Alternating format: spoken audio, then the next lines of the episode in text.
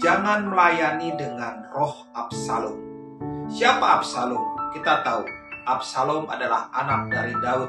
Dia adalah anak yang terluka. Anak yang terluka menjadi anak yang berbahaya. Hati-hati dengan luka kita. Hati-hati dengan luka yang kita anggap selesai, ternyata tidak selesai. Jangan anggap bahwa luka kita biarkan itu akan sembuh sendiri. Ya, memang ada luka yang bisa sembuh dengan sendiri, tetapi ada luka yang tidak bisa sembuh dengan sendirinya. Tuhan ingin menjamah hati kita, Tuhan ingin melakukan sesuatu dalam batin kita, supaya hati kita siap untuk mengalami jamahan Tuhan. Luka lama yang kelihatannya sudah sembuh, luka lama yang kelihatannya sudah tertutup dengan kulit baru, atau mungkin luka lama yang sudah terbalut dengan perban, tapi diam-diam luka itu sebenarnya belum sembuh.